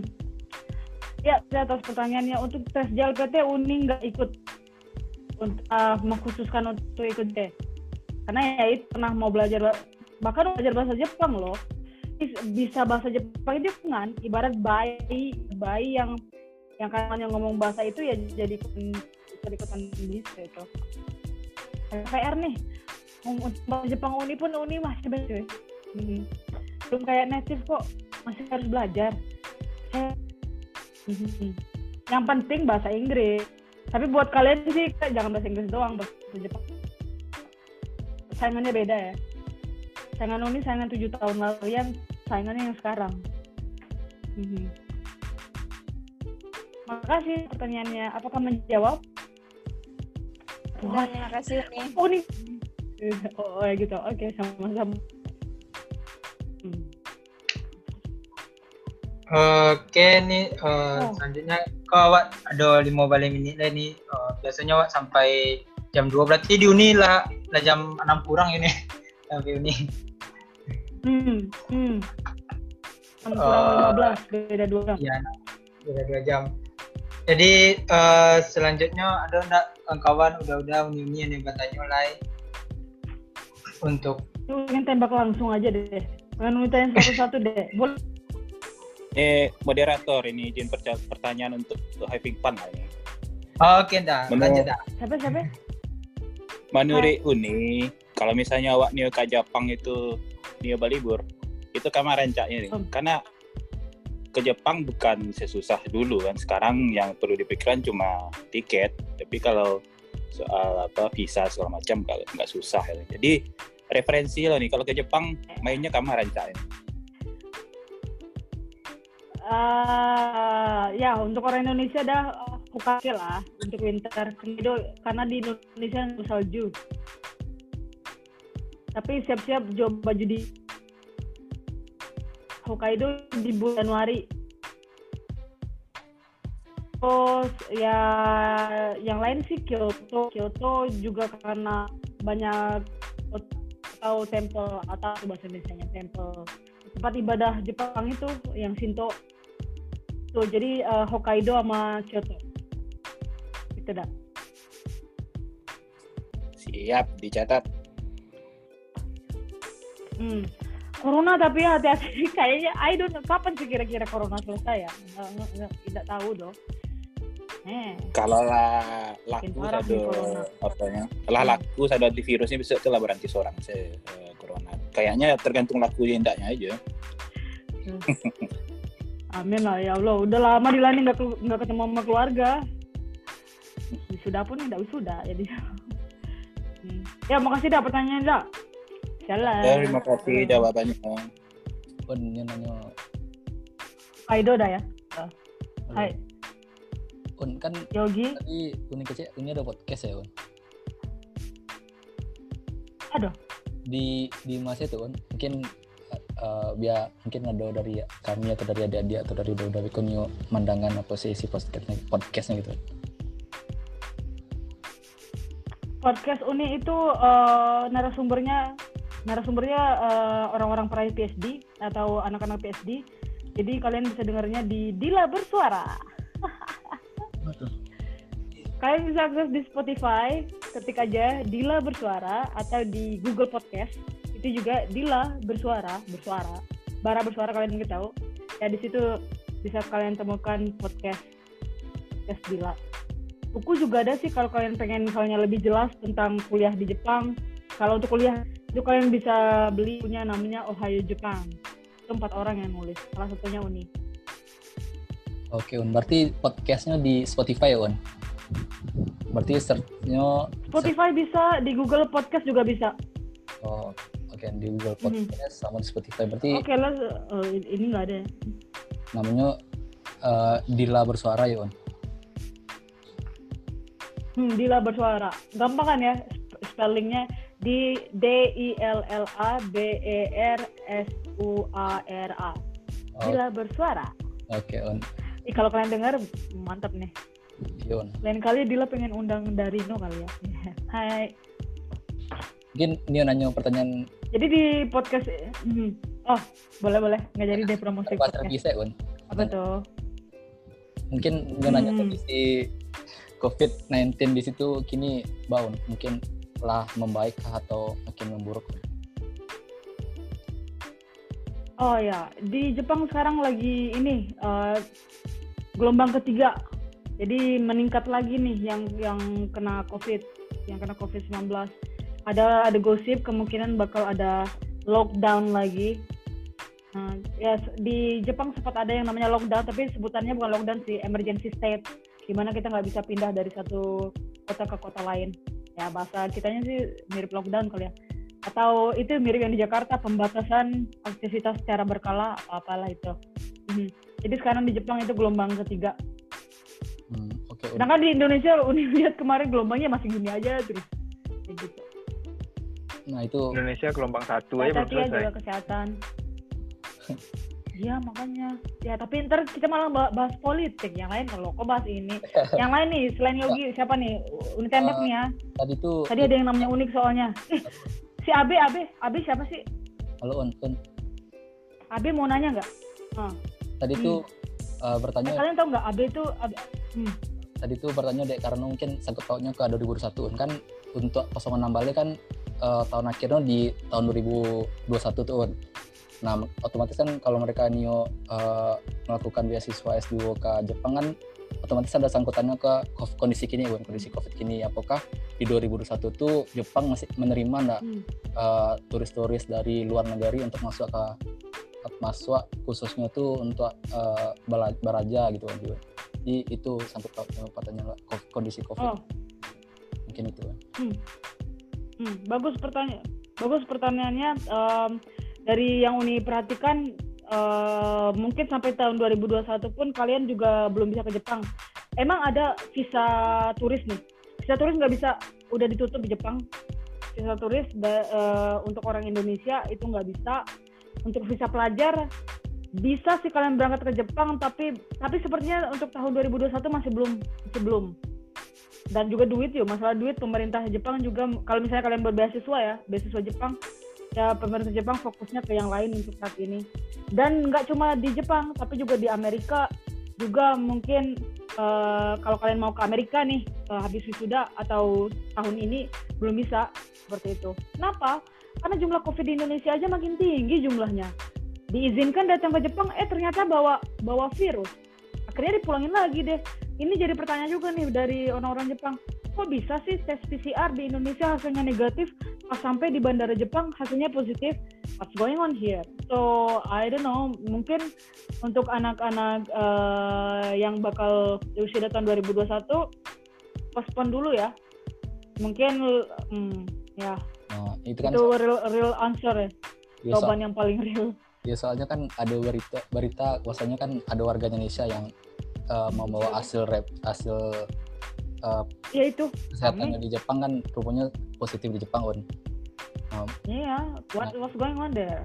Nah, jadi mungkin ya mungkin untuk 2001 mungkin ibaratnya eh, ditun, ditunda mungkin ya mungkin untuk eh, adik-adik yang 2006 Bali atau mungkin 2007 Bali atau sadonya lah yang mengikuti webinar itu mungkin bisa untuk memprefer lebih lagi nak masalah eh, penelitian, masalah eh, bahasa mungkin ya Un. masa Jepangnya hmm, mungkin itu bisa bikin hari hmm, di 2001 mungkin bisa ya.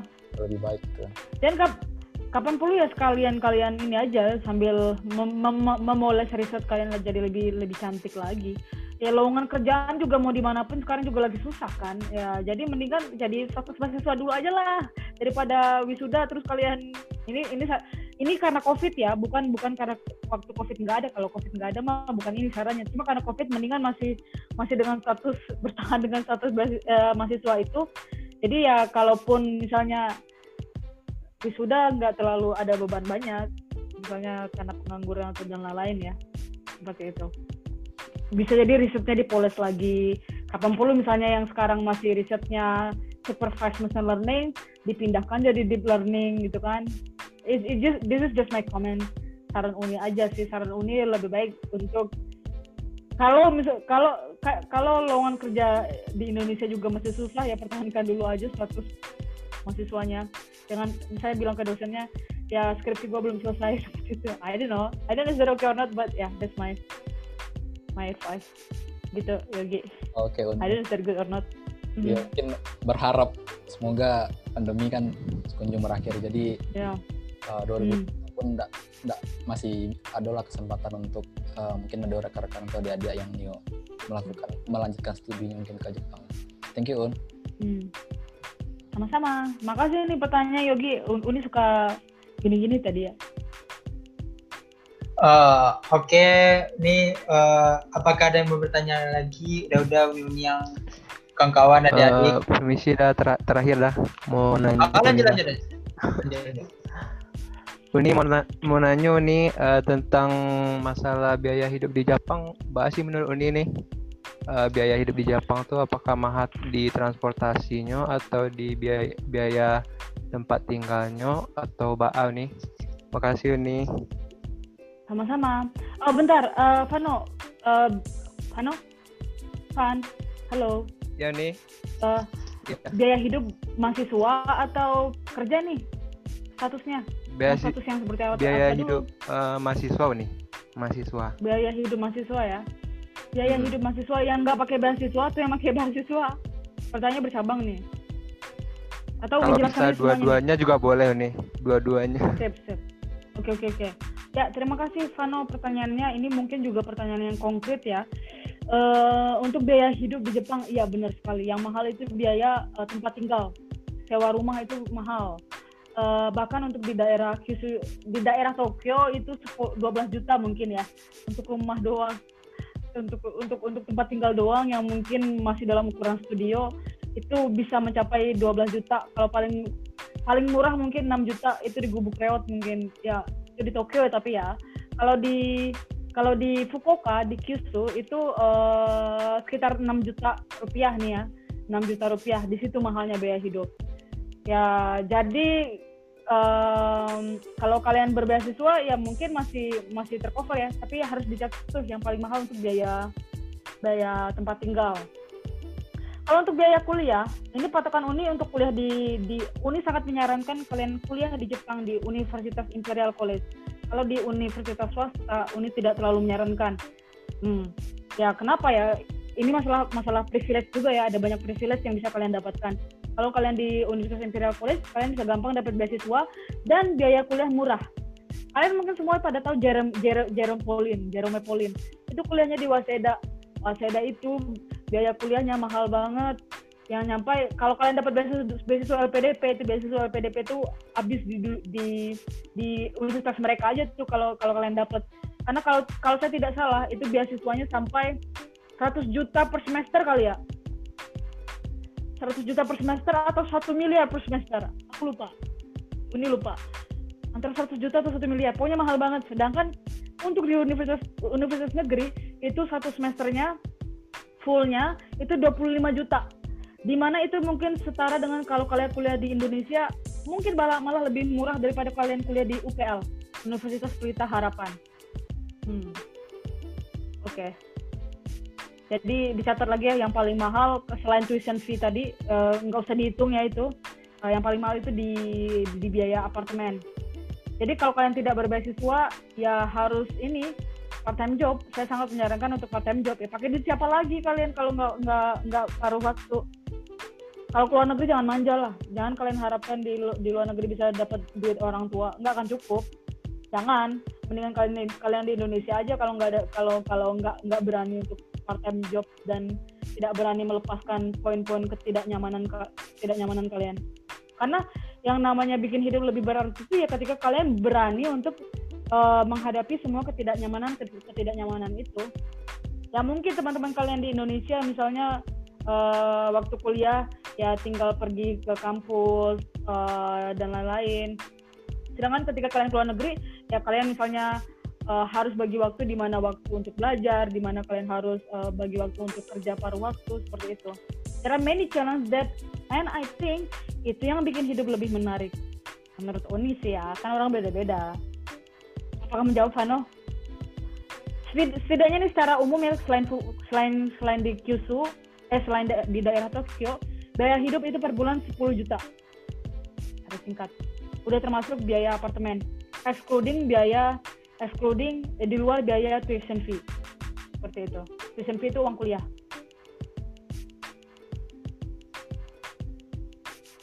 Hai uh, iyo des biaya yang 6 juta itu per bulan atau per tahun ya, Ul? Per bulan. Per bulan. mau keluar negeri mana kalau mau keluar negeri ke mana pun kalian harus siap mental juga ya Hmm. bahkan kalau kalian ke Amerika nih ya 6 juta mah kalian nggak bisa sewa apa pun itu biaya apartemen di Amerika juga 10 jutaan ya kenapa Uni ngebahas Amerika karena seharusnya tahun ini tahun ini Uni ke Amerika cuma nggak jadi karena corona seperti itu Ya, mungkin sekian aja dari dari Vano nih. Kasih ya nih. Hmm, hmm, sama-sama Eh, Un, melanjutkan pertanyaan Pano tadi sekete Un. hmm, boleh boleh Nah, kebanyakan untuk eh, mahasiswa-mahasiswa sama mahasiswa-mahasiswa di si- Indonesia di situ part time jobnya di situ apa sih Un gitu? Oke, perlu dicatat tadi ya Uni udah bilang di awal, kebanyakan orang Indonesia yang kuliah di Imperial College di kampus negeri itu dapat beasiswa. Kalaupun part time, kalau mereka, kalaupun part time job tuh biasanya untuk duit jajan atau ya untuk duit-duit yang lain. Biasanya sih kalau nggak jadi guru bahasa Inggris, kalau nggak jadi guru bahasa Inggris, jadi programmer. Uni sempat jadi programmer soalnya. Eh, terus kalau untuk anak jurusan lain yang nggak ada hubungannya sama sama komputer ya mereka kerja di toko gitu. Mhm, seperti itu. Kerja di toko. Mhm. Oke. Thank you. Kalau kalian bisa bahasa Jepang lebih enak lagi. Kalian bisa kerja sebagai penerjemah. Gajinya duitnya gede. Santai. Ya, itu saran bagus Un dicatat.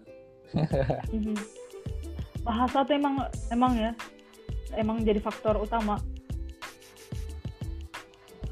Oh, Oke. Oh, sip. matapu.